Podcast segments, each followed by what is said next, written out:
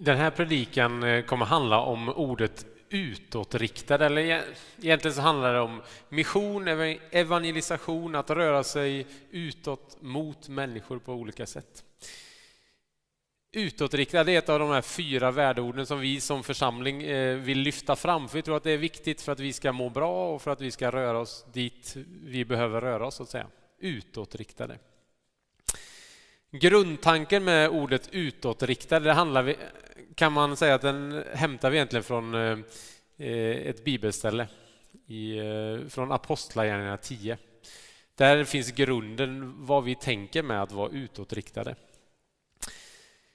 Apost så jag tänker jag går igenom den berättelsen, kapitel 10 i Apostlagärningarna lite snabbt.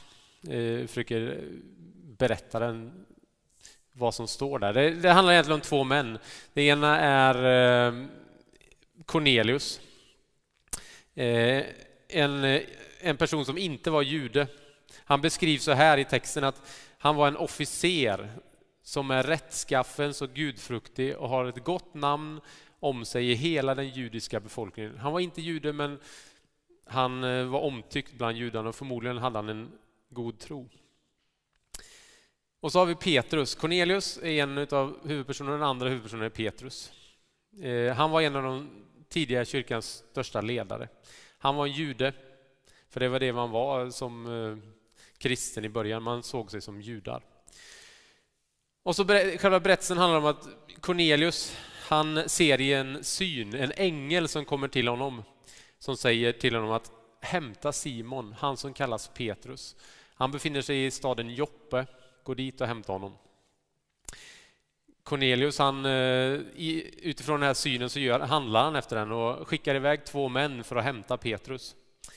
Och under tiden där, när de här två männen är på väg till Petrus, så är Petrus själv eh, i Joppe där i den här staden eh, och uppe på taket på sitt hus på, eh, runt middagen där och han, han är hungrig förstår man. Så här, han får i alla fall en syn där uppe på taket hur en eh, linneduk, står det, att den liksom sänks ner från himlen så här. Eh, och i den här linneduken så står det att eh, den sänktes ner på jorden och i den fanns alla, marken, eh, alla markens fyrfota djur, kräldjur och himlens fåglar. Med andra ord, det var en linneduk kommer ner fullt med djur. Och där fanns alltså djur som för en from jude var liksom någonting som man tänkte på med avsky, en del djur. De befinner sig också på den här duken. Eh, och så hör Petrus en röst som säger till honom slakta och ät. Eh, Petrus han protesterar bara nej, nej, nej, nej, nej, nej, nej, aldrig, aldrig eh, har jag ätit något oheligt eller orent, för det var det han såg en del av de här djuren. Aldrig har jag ätit något oheligt eller orent. Då hörde han för andra gången en röst som sa Vad Gud gjort till rent ska inte du göra till orent. Och så hände det här tre gånger. Och sen lyftes duken upp igen till himlen. Petrus han grubblar lite, vad är det som har hänt?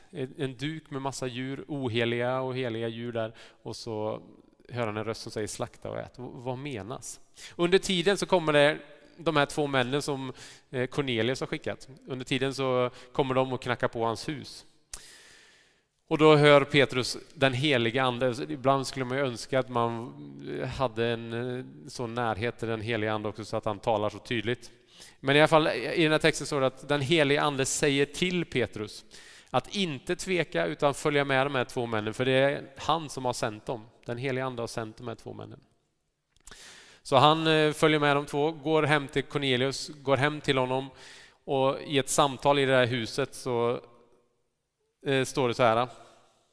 Där inne fanns många församlade och han sa till dem, som ni vet, det är Petrus som talar, som ni vet är det förbjudet för en jude att umgås med någon som inte tillhör ett som det blir tvärtom där. Som ni vet är det förbjudet för en jude att umgås med någon som Eh, tillhör ett annat folk eller att besöka honom. Gjorde man det så skulle, skulle Petrus bli oren. Han skulle behöva gå igenom reningsriter eftersom han hade gått in i huset hos en som inte var jude. Eh, men så säger Petrus det han landar i med hela den här poängen, med det han har sett med den här linneduken och det han förstår med det som händer där, så säger han så här, ah, nu förstår jag verkligen att Gud inte gör skillnad på människor utan tar emot var och en som fruktar honom och som gör vad som är rättfärdigt, vilket folk han än tillhör. Med andra ord, den här texten, Apostlagärningarna 10, den visar på att ja, men, det handlar inte längre bara om judarna. Det var ju det Bibeln hade, det hade handlat om det judiska folket fram till nu och så plötsligt så inser Petrus att det handlar inte bara om judarna, det handlar också om utanför oss. Poängen för oss idag det är ju samma sak egentligen. Det handlar inte bara om oss själva. Vi som kyrka, att vi ska finnas till för oss själva och ta hand om varandra och ha det så trevligt vi kan. Nej, att vara kyrka, det ligger liksom i vårt DNA att också vara utanför. Inte bara för oss själva utan också det som finns utanför. Därför säger vi att vi vill vara utåtriktade. Men jag tänker så här, det här ordet utåtriktade, man kan ju ha olika relation till det. Eh, jag tänker ofta att det har blivit ett ord som är, har blivit förminskat på olika sätt. Att vi har gjort det på något sätt lite för ensidigt. Ordet utåtriktade antyder ju att det finns ett inne och det inne tänker jag att de flesta tänker att ja, men det är här i församlingen. Att vara inne, då är man i församlingen. Och så finns det ett utanför och det är alla de som inte är medlemmar i församlingen. Så med andra ord, att vara utåtriktad, det handlar om att vi ska gå som församling utanför de här väggarna och så ska vi försöka värva medlemmar. Det är det det går ut på. Eh, att vi ska vara någon sorts värvningskampanj till en klubb eh, där vi ska försöka jaga namnunderskrifter ungefär. Den församlingen skulle inte jag vilja vara med i. Medlemskap, vad handlar det om att vara medlem i en församling? Det handlar egentligen om att man säger att ja, men jag tror på det ni gör. Jag tror på det ni står för. Jag, jag ser den Jesuscentrerade rörelse ni är och den vill jag vara en del av. Jag, jag tror på det ni gör. Det är att vara medlem. Så naturligtvis vill vi att fler säger ja, men jag vill vara medlem. Självklart skulle vi vilja det. Men att vara utåtriktad, det har en mycket större betydelse än att bara försöka samla namnunderskrifter. Det är inte det vi är ute efter när vi säger utåtriktade. Det har en större betydelse. Jag tror vi har gjort, när vi säger utåtriktade så tror jag vi ofta har gjort det lite förminskat och ensidigt. Det handlar inte bara om att vi ska få medlemmar i en församling eller inte. För Jesus så handlade egentligen allt om en om att vara en levande rörelse. För Jesus handlar om att vara en levande rörelse i en riktning mot honom. Det var det det handlade om, att, att få människor i en rörelse mot honom. Och det blir lite eh, uppenbart eh, när vi läser listan över de där tolv lärjungarna som Jesus samlade runt sig. Eller om vi bara läser igenom Bibeln och ser vilka människor är det Jesus samlar runt sig så förstår vi ganska snart att ja, men det handlar, för Jesus handlar det om att vara, få människor i en rörelse mot honom själv. Läser man från eh, Matteus 10, verserna 2-4 eh, så står det så här. Det är alltså en uppräkning på de tolv lärjungarna kan man säga. Så står det så här. Detta är namnen på de tolv apostlarna, apostlarna, lärjungarna. Först Simon som kallas Petrus, det var alltså han som vi berättade om i den här berättelsen. Simon som kallas Petrus. Vidare hans bror Andreas, eh, Jakob, Sebedaios son och hans bror Johannes. Filippos och Bartolomaios, Thomas och tullindrivaren Matteus. Jakob, Alfaios son och Tadaios. Simon Kananaios och Judas Iskariot, han som förrådde honom.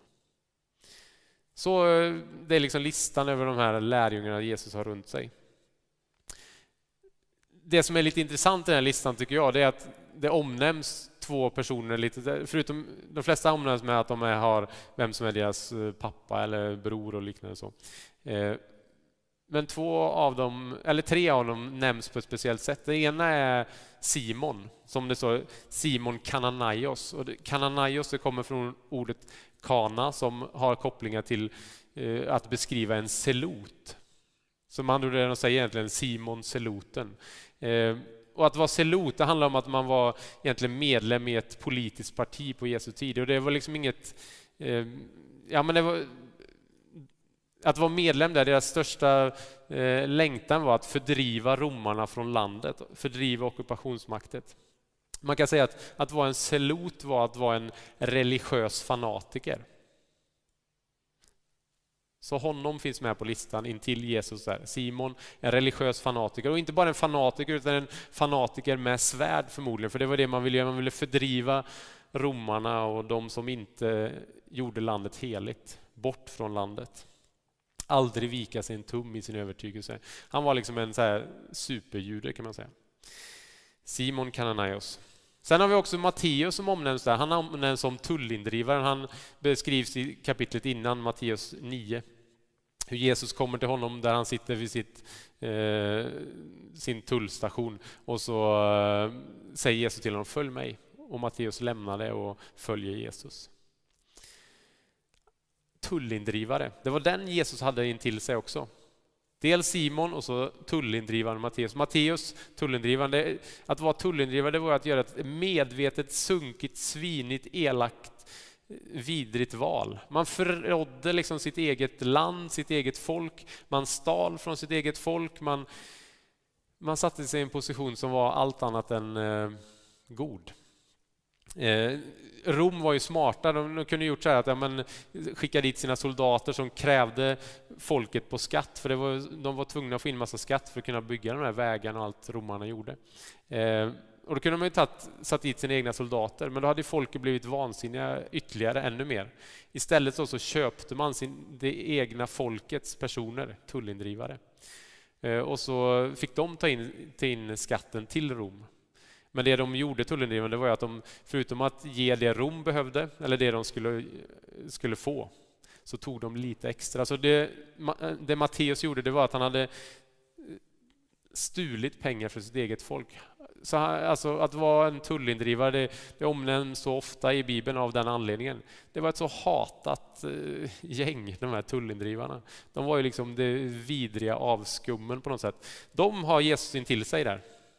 Han drar till sig människor. Den ena är liksom en Simon Seloten och så har vi tullindrivaren Matteus. Man kan ju bara gissa hur, vilka härliga grillkvällar de här hade. Liksom, och man, mm. eh, de samlar Jesus runt sig. Vilket säger någonstans att för Jesus var det inte så viktigt vilka meriter eller vad man hade misslyckats med eller vad man hade lyckats med innan när man när man var hos Jesus. Det hade inte så stor betydelse. Viktiga var att Jesus sa följ mig och att de här männen rörde sig närmare honom, följde honom. Det var det Jesus var ute att få människor att röra sig mot honom. I den här skaran så omnämns ytterligare en och det är ju Judas, Judas Iskariot, han som förrådde honom, står det. Där har vi det motsatta. De här, Matteus och Simon de rör, följde Jesus och eh, liksom la ner sitt liv för honom och ville eh, vara i Jesu närhet. Judas hade gjort likadant, men samtidigt som att han var nära Jesus så det han gjorde i hemlighet, ingen visste, det var att han rörde sig bort från Jesus. För under påsken där som kommer så småningom så säljer Judas Jesus för 30 silvermynt. Förråder honom helt enkelt. Så vad Judas hade gjort, han hade ställt sig nära Jesus men han rörde sig i en helt annan riktning bort från Jesus. Vad jag försöker säga med de här grejerna är att det viktiga är inte liksom vad vi kommer med. Det viktiga är att vi hela tiden rör oss mot Jesus. Det är det Jesus vill på något sätt visa med de människorna han samlar runt sig. Att vi ska röra oss närmare Jesus. Han är inte ute efter våra namnunderskrifter eller liknande. Jesus vill ha ett, liksom, en levande, pulserande rörelse med riktning mot honom. Jag tänker, bara för att ge en liten bild av hur jag tänker, så kan man likna det lite med mig som konstnär. Kanske ni som ser det här på video, ni som bara hör ljud får jag förklara att det står en tavla här i bakgrunden. Eh, beskriva mig som konstnär jag är uppväxt i en familj där, där alla där det alltid fanns papper, penna, kriter och vattenfärg. Det, liksom, det var liksom, man åt det nästan till middag. Eh, alla i min barndomsfamilj eh, kan på olika sätt uttrycka sig med färg och former och liknande. Och så vidare. Så. Så när jag hade gått ut gymnasiet och så ett antal år efter det sen så tänkte jag att det vore ändå kul att liksom ge ett år till det där med måleri och liksom få grunderna lite mer grundläggande. Så ja, jag gick Mullsjö folkhögskola, målerilinjen där. Ett år. Ett fantastiskt år. Eh, att få gå runt där med eh, liksom, färg under naglarna, eh, Birkenstock-tofflor, målarfärg över alla kläder. Eh, bara leva måleri helt enkelt. Jag producerade tavlor på löpande band, ställde ut tavlor på lite, till och med på Länsmuseet i, i Jönköping, så jag bara alltså, toppade där liksom. Jag sålde tavlor, jag eh, hade ofta liksom den kommande tavlan i huvudet. Så här, men hur, mm, kanske om man har ljuset därifrån och så tar man... Måleri fyllde mitt huvud. Om någon hade frågat mig där och då, så här, är du en konstnär? Så hade jag nog ganska förmodligen dragit på svaret, för vad är en konstnär och vem är konstnär? Lars Lerin, ja jo men det är han, men eh, vem är konstnär? Det är svårt titel att ta sig kanske. Men jag hade nog lättare i alla fall att sätta mig i det facket och säga att ja, men, jo, men jag är nog någon sorts... Eh, jag gillar att uttrycka mig, gillar att uttrycka mig i färg och form. Jag är nog en liten konstnär. Det var mer än tio år sedan. Nu så har, jag, så har det inte blivit några mer tavlor på säkert, eh, jag tror det är åtta år sedan jag målade en tavla senast. Av olika anledningar. Barn är en kan jag säga och jobb någon annan. Skulle någon fråga mig idag, nu när man inte, gör, inte gjort en tavla på åtta år, är du konstnär? Så skulle jag nog ganska snabbt svara nej, det skulle nog vara att ta i. För jag har tydligt rört mig bort från målandet.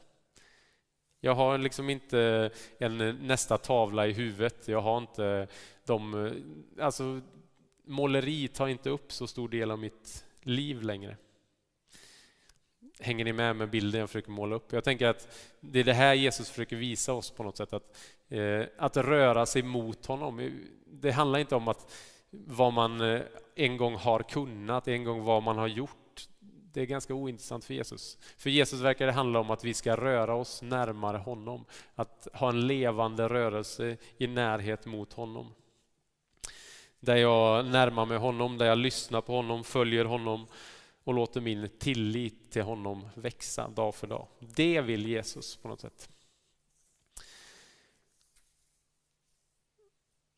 Men ytterligare en liten bit med det här med måleriet.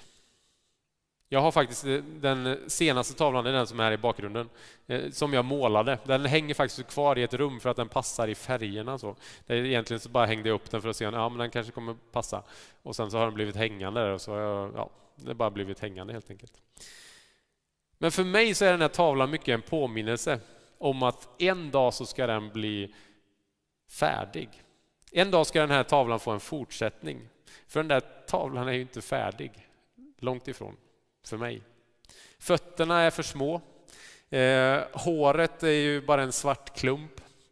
Eh, bakgrundsfärgerna är ett lager, det ska vara tre, fyra lager till som lyser igenom på olika sätt.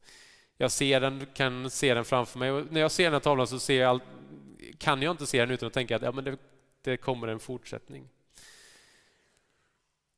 Och så naturligtvis så saknar jag ju den ram, för den, den är liksom inte klar. Ram är väl på något sätt att säga att ja, men nu är den färdig. Hör ni vad jag säger? Jag säger att en dag så ska jag måla igen. Penslarna ska inte ligga där för evigt. Jag är en slumrande målare. Då kommer den stora frågan, gör det mig till en konstnär? Vad tycker du? Döm själv. Är jag en konstnär?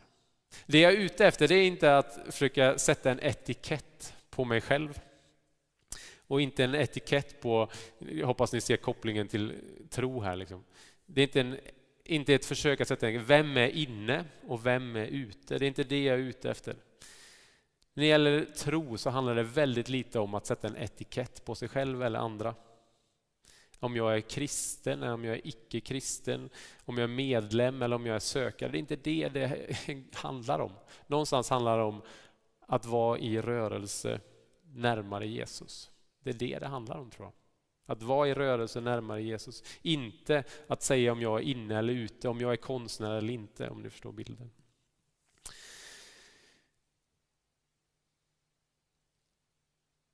Det, det vi förstår när vi läser Bibeln det är att för Jesus så var det här totalt avgörande. Att vi rörde oss närmare honom. Och han, är, att han vill dra människor till sig själv. Han är liksom personligt engagerad på det grövsta sätt. Han sitter liksom inte med armarna i kors och säger ja men kom då till mig. Nej, Gud han gör allt i sin, det han kan för att vi ska röra oss närmare honom. det finns ju ett, ett bibelord som jag eh, tycker är så smärtsamt men på något sätt vackert. Det är hur Gud i Jeremia 2.27 säger så här till folket, så här, mot mig har de vänt ryggen, inte ansiktet. Man hör liksom en Gud som bara, nej, folket har liksom vänt sig bort från honom och man hör sorgen, smärtan i rösten. De vänder sig bort från Gud. Så Guds egen lösning, vad är den? Vi hittar den och jag tänkte vi ska läsa den ifrån Hebreerbrevet kapitel 10, verserna 19 till 20.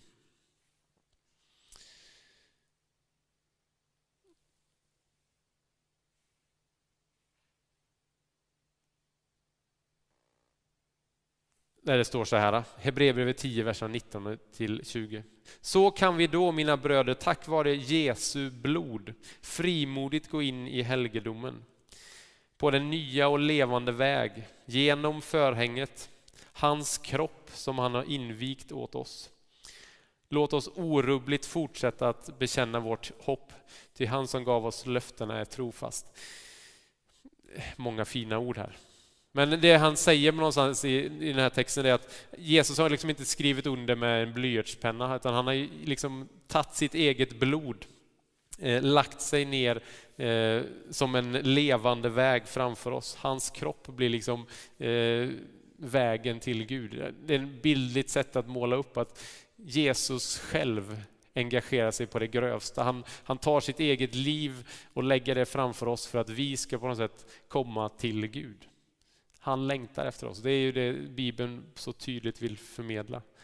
Gud engagerar sig i att vi ska röra oss emot honom. Det finns en berättelse i Bibeln där Jesus målar upp detta. Han, han säger att ja, men om Gud är som en man som har hundra får och så är det ett får som kommer bort av de här hundra. Då kommer han lämna de där 99 i tryggt förvar och så går han och letar efter det hundrade fåret tills han hittar det. Och när han hittar det fåret så blir han glad, lägger det på axlarna och går hem och det blir fest. På samma sätt så är det ju att om Gud har hundra människor, om hundra av oss du och jag. Och så är det en som säger Gud, om en av oss skulle röra sig bort från honom så skulle han göra allt han kan för att röra sig mot dig och försöka få dig hem till honom. Och när det händer så står det att det blir jubel i himlen.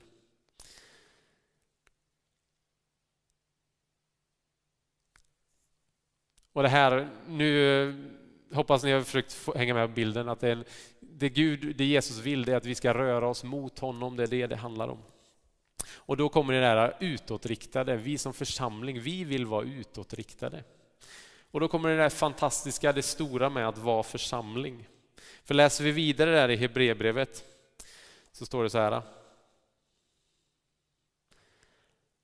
Låt oss ge akt på varandra och sporra varandra till kärlek och goda gärningar. Och låt oss inte försumma våra sammankomster som några brukar göra, utan uppmuntra varandra och detta så mycket mer som ni ser att dagen närmar sig. De här texterna säger att oss, oss, oss, oss, det återkommer jag till. Det står aldrig att eh, jag ska göra goda gärningar, jag ska göra det, jag ska, utan Bibeln målar alltid upp att det är vi som församling som på något sätt ska göra Jesus synlig genom våra handlingar, genom vår kärlek. Att vi som församling det den säger på att vi som församling, vi är en förenad... Varför ska jag vara medlem i en församling? Det var det lite där jag började. Ja, men vi är liksom en förenad kraft som rör oss mot Jesus. Vi är en förenad kraft att, att hjälper varandra, stöttar, uppmuntrar, lyfter varandra att komma närmare Jesus. Det är inte ett enmansföretag att vara troende eller att vara kristen. Det är någonting vi gör tillsammans. Och vår dröm, och det är det vi vill uttrycka med att vara utåtriktad, det är att vi vill eh, vi vill den där, med den här kärleken och de här goda gärningarna så handlar det mer om att vi vill få människor att kliva in och skriva på ett papper och bli medlem i en församling. Nej, det är inte det vi vill. Det vi vill, det, jag tror att det är så många som sitter med den här tavlan hemma, om ni förstår bilden. Man har, har en trotavla där inne som på något sätt har stannat upp någon gång och man tänker ah, ja, ja, men någon gång så kanske, kanske den ska bli färdig. Kanske en dag. Det finns en längtan att en dag ska den där, det där med tro och Jesus, det ska liksom bli levande hos mig igen. Jag tror att många sitter med den känslan. Det vill vi vara en rö eh, Det vackra med att vara församling, att vara utåtriktad, är att vi vill möta dig helt enkelt. Att få hjälpa dig att ta fram penseln i tron och försöka få liv i rörelsen närmare Jesus igen. För det är det det handlar om. Det handlar inte om att du ska få en, en etikett. Det handlar om att du ska röra dig närmare honom. Och det tänker jag varje dag en, en möjlighet. Att röra sig närmare Jesus. Vi ber. Tack Gud för att du söker oss, att du eh, älskar och längtar efter oss, Herre. Du lägger ner ditt eget liv framför oss. Du dör på det där korset för att det ska bli verkligt, att vi ska kunna närma oss dig. Jag ber, hjälp mig att ha rätt riktning, fokus närmare dig Jesus. Röra mig mot dig, att det får vara en levande rörelse, inte en etikett jag sätter på mig själv, Herre.